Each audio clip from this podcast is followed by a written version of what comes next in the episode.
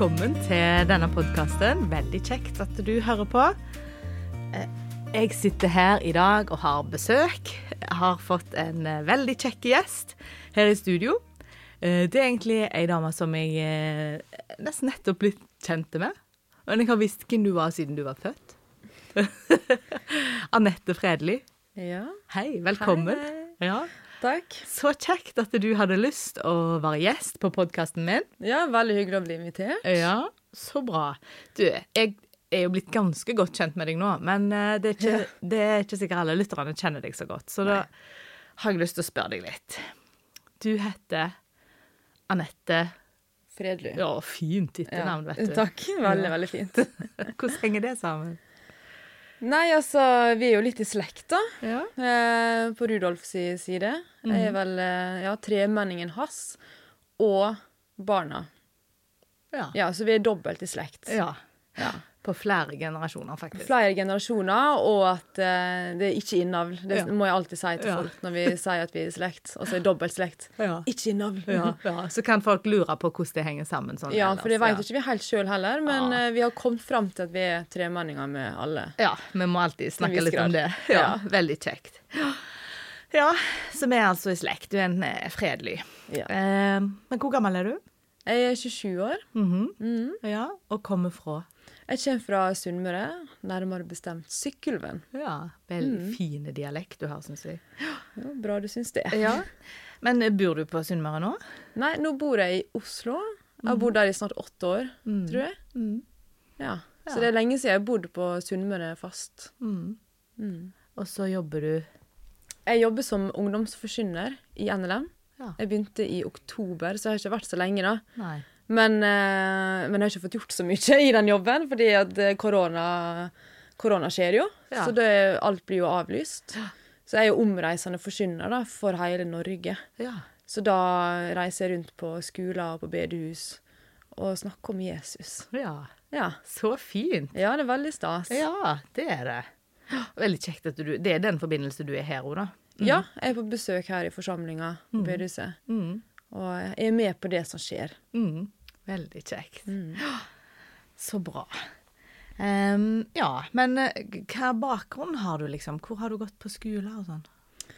Altså, jeg har gått på en NLM VGS-skole Ja. som heter Vestborg Ja. på Sunnmøre. Mm. Og eh, ja, altså jeg er oppvokst på bedehuset, da, med NLM og IMF, tror jeg. Mhm. Jeg har liksom aldri helt forstått helt bedehusgreiene, mm -hmm. men uh, oppvokst der. Mhm. Og så gikk jeg på VGS, ja, Vestborg. Og så begynte jeg på en DTS, en disippeltreningsskole i ungdom og oppdrag. Ja. Ja, så jeg har gjort litt sånn forskjellig. Mm.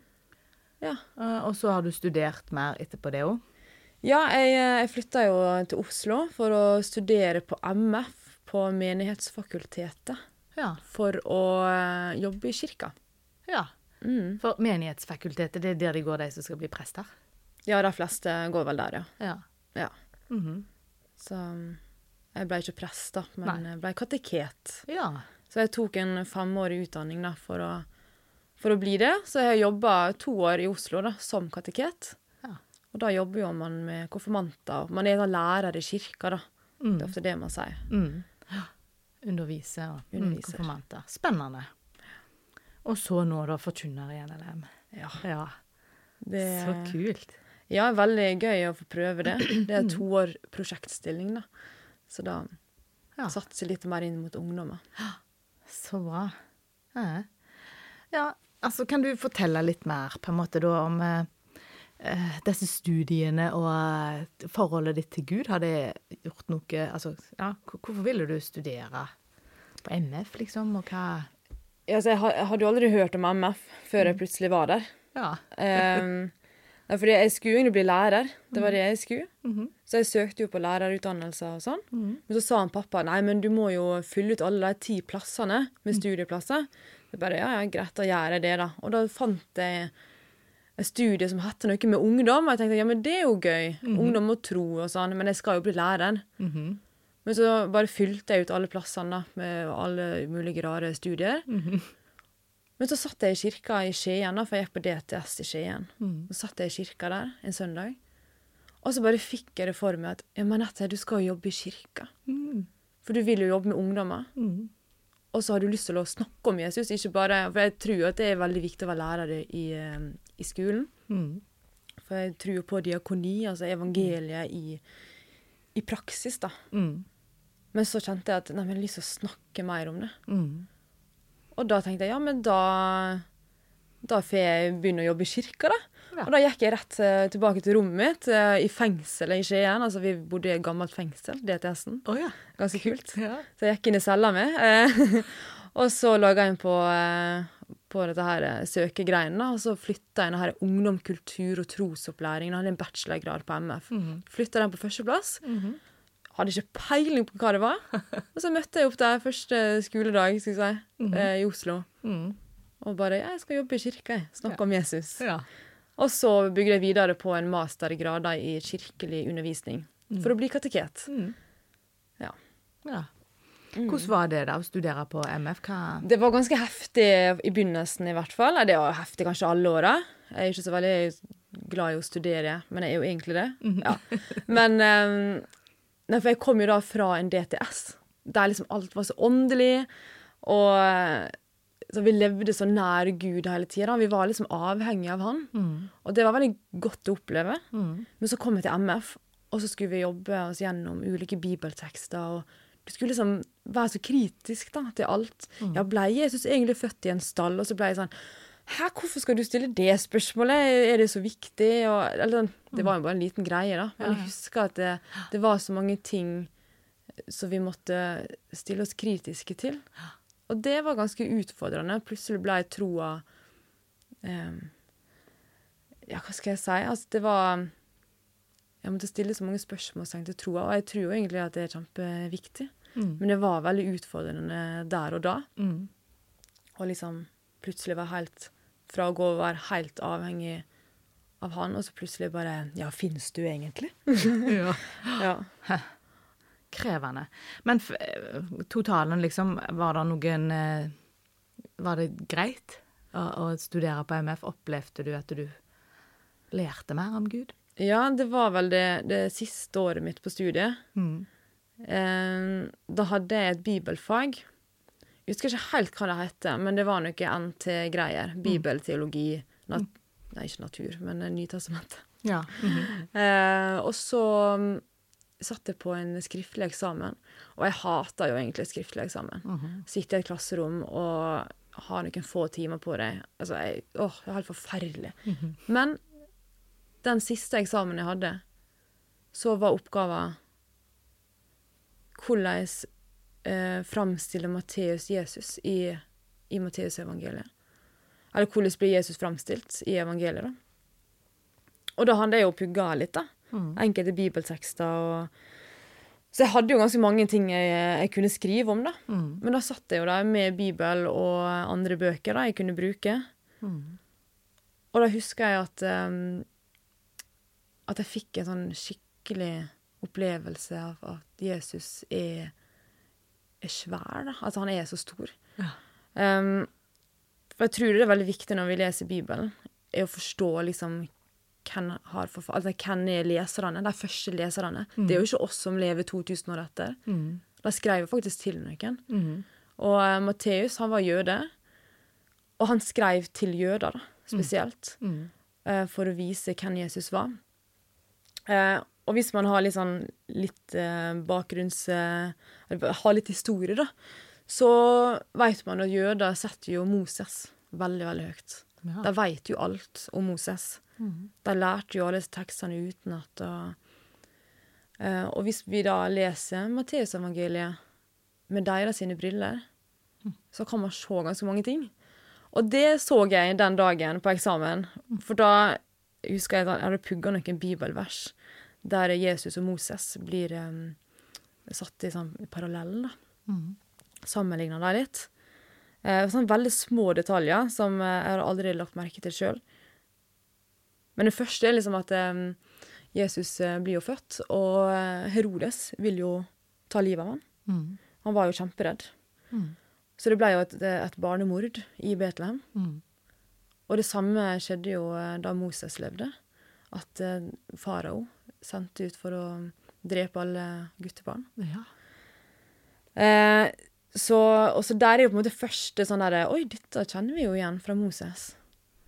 Um, og det samme skjer jo at eh, både Jesus og Moses flykter jo til Egypt. Mm. Og så blir de begge kalt ut av Egypt. Ja. Em, og så Og så faster begge to i 40 dager. Mhm. Både Jesus og Moses gjør det.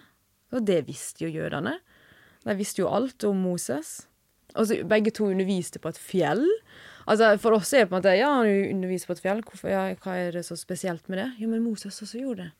Det er ganske viktig, det. Mm. Og så, begge to fikk inderlig med, medfølelse med folket sitt. Mm. Og så kalte de dem også for uh, sauer uten hyrde. At begge brukte det samme bildet på folket.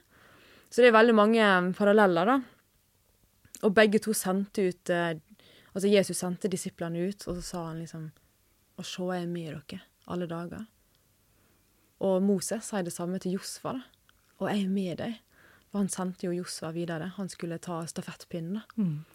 Så, så det er veldig mange paralleller da, mellom eh, Jesus og, og Moses. Som jeg hadde aldri lagt, merke til sjøl. Men da husker jeg jeg skrev om disse her greiene. da. Og så kom jeg til kapittel 17, og det hadde ikke jeg lest engang sjøl. Eh, før den eksamenen. da. Men så kom jeg til den, og der står det jo om at eh, Jesus eh, tok med seg tre disipler. Det var vel Hvem var det? Var det Peter, Johannes og Jeg har det her. Skal vi se. Jakob. Og hans bror Johannes. Mm. Ja. De tre da tok dem opp på et fjell, og så plutselig eh, ser de Moses og Elia dukke opp. Og Jesus, da. Så de tre står oppe på dette fjellet. Men så plutselig er Moses og Elia borte, og så er Jesus står igjen. Og så sier Gud fra himmelen Hva er det som står der, egentlig? Ja. Du har Bibelen, du. Eh, dette står da i vers 5, vers 5. Kapittel 17, vers 5. Mens han ennå talte, kom en lysende sky og skygget over dem, og en røst lød fra skyen. Dette er min sønn, den elskede. I ham har jeg min glede. Hør ham. Ja, altså Det er så sjukt da, å lese det der. Sånn, hør ham! Mm. Eh, fordi jødene de satte jo liksom Moses så høyt. Altså lo Lova, Moselova, var jo det viktigste. De lager jo til og med flere lover utapå lova for å, å beskytte seg sjøl, eller sånn for ikke uh, trå feil, da. Så de satte han veldig høyt. Og, eh, og da få lov til å se at plutselig står Jesus alene, og så sier Gud 'hør ham, dette er min sønn'. Det, det var en litt sånn så sjuk opplevelse der jeg satt i det klasserommet på MF. Eh, og jeg har aldri, aldri hatt det så bra på en eksamen. Og sensorene, eller eh, eksamensvaktene, de satt jo og så på meg på hva, hva skjer med deg? For jeg sa jo hele tida 'Kan jeg få et nytt ark?' Kan jeg få et nytt ark? Uh, og var helt sånn i hundre. Og når jeg gikk ut på dopause, så gikk jeg jo med seg her, så prata jeg jo om hva som jeg hadde lest. Og, og etter eksamen, når jeg hadde levert inn, da, så satt jeg jo der og fortalte sånn Ja, se hva jeg har skrevet, hva jeg har funnet ut, og Det var bare så sykt, da. Ja. Um, det var veldig, veldig gøy dag. Eh, for da fikk jeg liksom et innblikk i hvor stor Jesus var. Mm. For jeg visste jo at Jesus er stor, men det å å liksom se fra jødenes perspektiv, da, Mm. som levde på den tida. For de venta jo på Messias så lenge. Mm. Men de hadde jo forventa at han skulle vinne over romerne, frelse dem fra romerne. Mm. Men så kom ikke han for det. Han kom jo for å frelse oss fra våre synder. Han var en veldig annerledes Messias, og det var det Matteus prøver å fokusere på. Eller prøver å, å løfte opp, at, forstå at det er ikke en, eh, en sånn en, en krigerkonge som kommer, Mm. men en med nåde. Og det er ganske kult å, eh, å lese da, i Matteusevangeliet. Mm. Mm. Ja, jeg syns den teksten nå er jo så eh, stilig, på en måte, i forhold til det måten Peter reagerer på. Ja. For han var jo en jøde, da, sant? og som Ja, har på en måte får sitt disse tingene. Mm. Og så at han liksom har så lyst til å gjøre noe for å liksom Ja. Å, jeg har lyst til å vise at jeg syns dette er stas, liksom, eller ja, at det er stort. Og så sier jeg Kan vi ikke bare bygge tre hytter, liksom?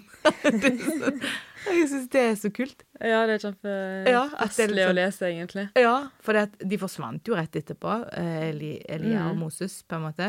Så var det bare Jesus igjen, og de var jo ikke meningen de skulle bo på det fjellet. Nei. Men det er sikkert sånn Ja, i der og da så forstår eh, ikke Peter helt heller hva det er han egentlig Mm. opplever. Så da har han lyst til å bygge ei hytte. Jeg syns det er kult. Mm. Ja. Ja. Men eh, det dette egentlig eh, sier litt om, da, det er at kontekst er viktig. Altså historisk kontekst er viktig når vi leser Bibelen. Mm, det er kjempeviktig. Mm. Da kan vi se andre ting, eller ja, ting som, på en annen måte. For hvis vi bare leser det som om det, For vi har jo lov å lese det som om det er Guds ord til oss i dag. Absolutt. Vi tror jo at Bibelen er Guds ord til oss i dag. Mm. Eh, men det kan ligge mer forståelse i det, og mer hemmeligheter som Gud vil vise oss hvis vi forstår konteksten. Den historiske konteksten, og hvordan de som var der, opplevde det først, på en måte. Ja. Kjempekult. Så bra. Men du, Matteusevangeliet. Det er jo ofte en plass man anbefaler folk å lese liksom, mot når de skal begynne på bibellesing og sånn. Yes. Mm. Ja. Ja, Jeg husker da jeg gikk på Vestborg, da. Eh, Det var jo der jeg på en måte valgte å, å begynne å tro på Jesus sånn fullt ut. Jeg er jo oppvokst i en, i en kristen familie, men det var liksom ikke før jeg begynte på Vestborg. da. Det var sånn der, Wow! Jesus lever jo i dag! Hvorfor har jeg ikke fortalt meg det her? Jeg kunne bare alle historiene. Men så kjente jeg jo på at ja, men nå har jeg lyst til å lese Bibelen. Eh, Jeg har lyst til å, mm, å, å ja, bli kjent med Jesus og mm, så jeg begynte jo eh, på Matteusevangeliet, selvfølgelig. Jeg ble jo fraråda å begynne første Mosebok, selv om det er en spennende bok i starten, og så blir det litt kjedelig. Em, men så jeg begynte på Matteusevangeliet. men så uh, Det var jo helt greit i starten, og det er jo fint med bergprekenen, og det er jo veldig mange heftige tekster, men det var jo spennende. Men så kom vi til sånn kapittel 24, kapittel 25, og jeg ble livredd. Den store trengsel. Ja, store trengseltida, de siste dagene, og det var helt sånn, og det var så forferdelig å lese.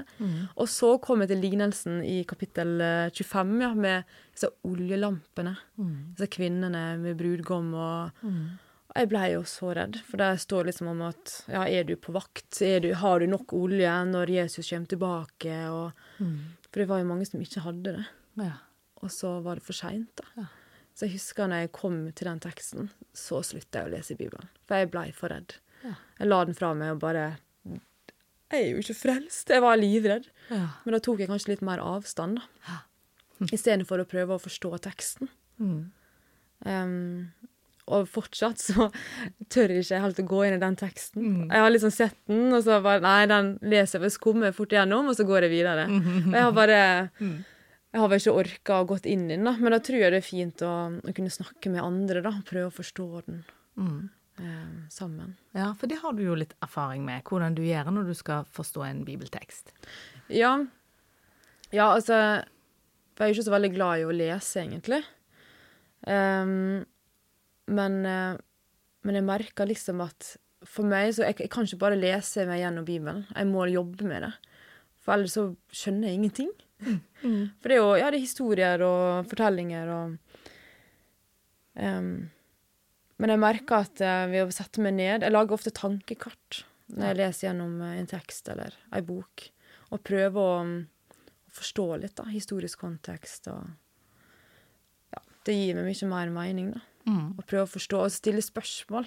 Altså det her eh, med ol oljelampen, da. Bare Ja, men hva er olja? Mm. Eh, hvem er så jomfruene? Hvem er brudgommen? Hva vil det si? Hva er en lampe? Altså, mm. bare stille spørsmål har vært veldig viktig for meg Mm. for å forstå eh, tekster. Mm. Ja. Mm. Har du noen tips eller anbefalinger til hvis man skal på en måte Si jeg skulle lest Matteusevangeliet nå fra begynnelse til slutt. Hva ville du gjort først, da? Ja, det er mange måter eh, man kan eh, gjøre det på. Men, nei, men så Bible Project, da, det har jeg brukt masse inn mot ungdommer, i hvert fall. Ja, hva er det for noe? Eh, det er vel eh, Det er YouTube-kanal, da. -hmm. Ja, De har også en nettside, men um, YouTube-kanal med masse filmer som, for, som forteller liksom den røde tråden da, gjennom de ulike bøkene, eller et tema. Eh, så de kan hjelpe oss veldig mye da, for å forstå liksom, hvem er forfatteren, hva, hva er greia her, hva Mm. vil de vise egentlig gjennom, gjennom teksten. da. Ja, for det er litt korte filmer da, på, som ligger Ja, det er sånn alt fra tre til sju minutter eller ti. Mm. ja. Som gir liksom en introduksjon eller over. Ja. Så kult. Mm. Jeg har sett de litt, jeg òg. Ja. ja, jeg brukte det i bibeltimer og sånn, med både ungdommer, men også eldre, som Ja. 80- og 90-åringer. Ja, Og, ja. og de vil jo hjem og se disse her filmene, så det er ganske gøy. Ja. Du sender 80- og 90-åringer hjem og ser på. YouTube? Ja, jeg må først ha et kurs da i hva YouTube er. Ja. ja. Så bra. Ja, men knallbra. Det er jo eh, ja, nyttige tips. Mm. Eh, og så sier du noe om at du faktisk ikke liker så godt å lese liksom, tekster. Ja. Forkynner, og så liker du ikke å lese Bibelen. Ja, man kan ikke si det høyt, vet du, for det, det, ja, nei, det funker jo ikke helt. Eh, jo da, det funker. Ja. Um, nei, jeg har aldri vært så glad i å lese. Jeg blir veldig sliten av å lese. Ja. Eh, så jeg har jo bare um, funnet ut at jeg må ta en tekst av gangen Ja. og jobbe med den. Tegne litt, lage tankekart, som jeg sa i stad. Um, ja, altså, det er jo kjempeviktig å lese, det er det. Ja. Men uh, man må ta sitt tempo, da. Og det å gå i ei bibelgruppe. Bibelgruppe, ja, det har hjulpet veldig mye. Mm. Da sitter vi jo, Jeg har jo en bibelgruppe med ulike venninner, Mm. der vi kan uh, gå gjennom vanskelige tekster og stille gode spørsmål. Mm. Ingen dumme spørsmål. Mm. Så bra. Mm. Ja, for det er jo en måte å på en måte ta inn Bibelen, da. Ja. Aha. Ja, og gjøre det sammen med noen, for det var det jeg tror jeg liksom ikke feila på, da, men da jeg skulle sånn, nå skal jeg lese alt, og Mm. så gjorde jeg det helt alene. Mm. Også når jeg ble redd, Mm. så visste jeg ikke hvem jeg skulle gå til. Mm. For det er, det er litt skumle tekster av og til. Ja, ja. Og så den frelsesvissheten. Å, jeg husker jeg sleit så masse med det. Ja. Klarte aldri å roe meg ned, og jeg lå liksom lenge om natta og var redd, liksom. Fikk ikke sove. Ja. Eh, men da er det viktig å ha noen å prate med, da. ja. Det er det. Så bra. Så det har hjulpet deg, da? Absolutt. Mm. Ja. Så bra.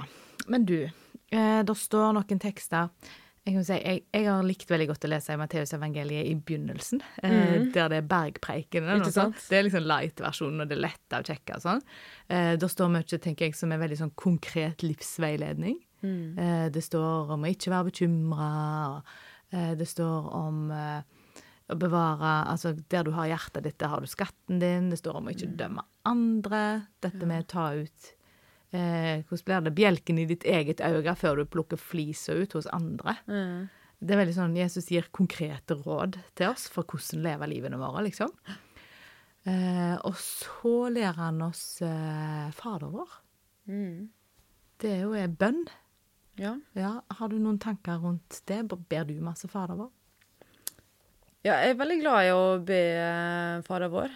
Uh, og det er lenge siden jeg har sagt. Jeg sa egentlig Vår Far. Ja, oh ja. Ja, det Jobba i kirka så lenge, vet du. Å, Vår Far. det jeg som ikke har vent meg til den nye, for vår far er den ja, for Jeg nye. merka når du skulle lese Vår, fa, vår Far eh, Ja. sist, så klarte jeg ikke å henge med. For jeg var så vant til Vår Far. Å, det er det som er mitt problem. Jeg er ikke vant meg til den nye ennå. Så hvis vi begynner med vår far, så detter jeg ut. Ja. Ja, men men når jeg sier Fader vår, så kan jeg den. Ja.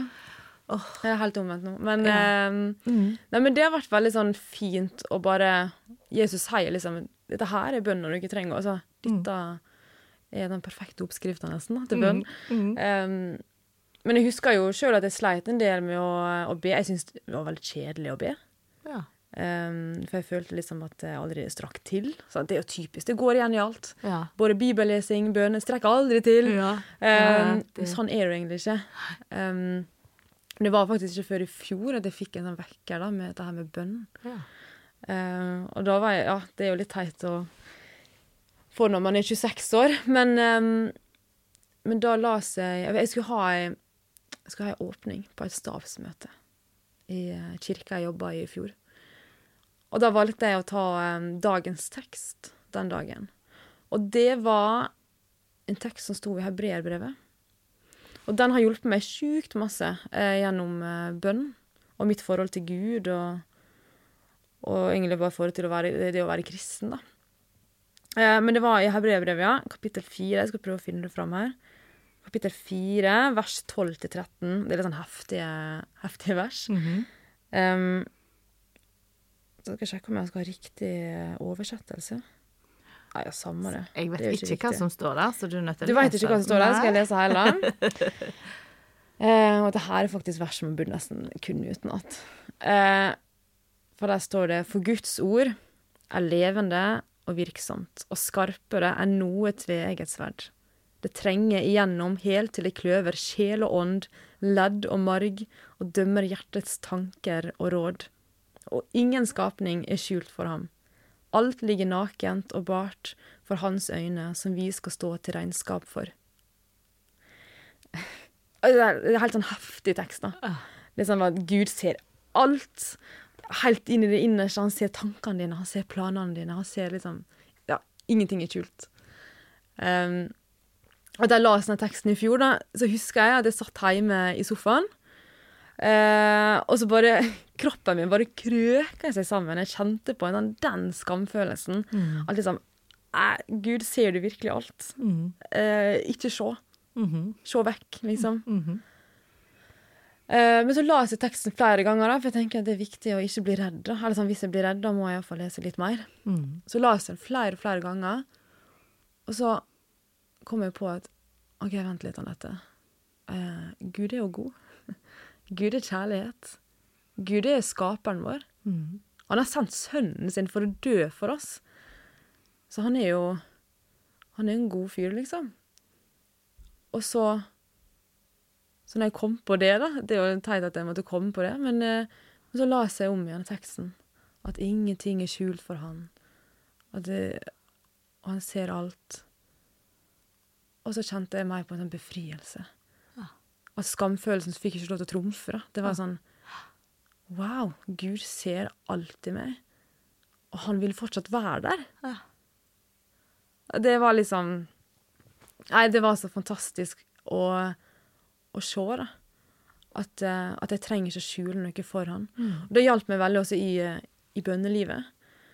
For det er veldig lett at man, eh, man prøver å skjule litt, da. Mm. Og, eh, og liksom gå til Gud med de store, fine orda. Men så Men så er det lov å bare å hvile i at Gud, du, du ser alt, du. Mm. Jeg trenger ikke å legge ord på det engang. Mm. Før, altså, du ser det uansett. Mm. Og så blir han. Han møter oss der vi er. Mm. For jeg har alltid tenkt at eh, jeg har ikke noe å komme med før jeg, er, før jeg tenker at nå noe er en bra kristen. Ja, ikke du kan be før du liksom Ja, men det er alltid Ja. mm. At liksom Gud vil ikke ha noe med meg å gjøre før jeg liksom har alt eh, på stell. Ja. Og det stemmer jo ikke. Nei. Det er jo bare, det er jo bare tull. Ja. Altså, han er der i de dype dalene Mm. eh, og på toppene. Mm. Det er også veldig enkelt å, å glemme Gud eh, når vi er på topp også. Mm. Eh, men det hjalp meg veldig, ja, til at liksom At Gud er, at Gud er med. Mm. Og så er det så lett å tenke at eh, altså Gud er ikke en som bare sier at 'ja, jeg føler med det', uten å mene det. Altså, Jesus han har vært gjennom alt, han. Mm. Han har kjent på smerte. Han har, eh, han har blitt frista i alt. Mm. Og så overvant han det. Mm. Så Gud er faktisk en som kan si at 'jeg føler med deg'. Og, eh, og det er litt godt at jeg ikke trenger å skamme meg, da. Mm. Gud er en som, eh, en som ser, og som blir.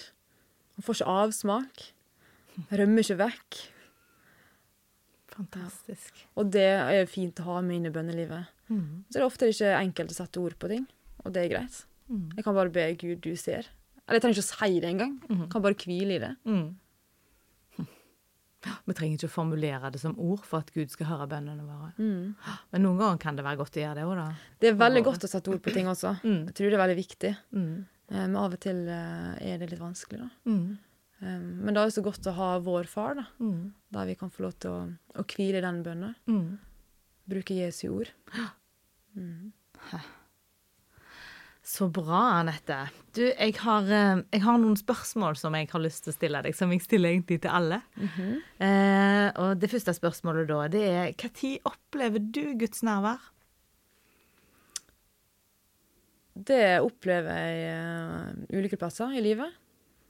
Um, alt fra lovsang i kirka Ikke alltid, da. Av og til sitter jeg bare der og er litt trøtt. Av og til så er det helt eh, fantastisk. Det var det jeg trengte. Mm.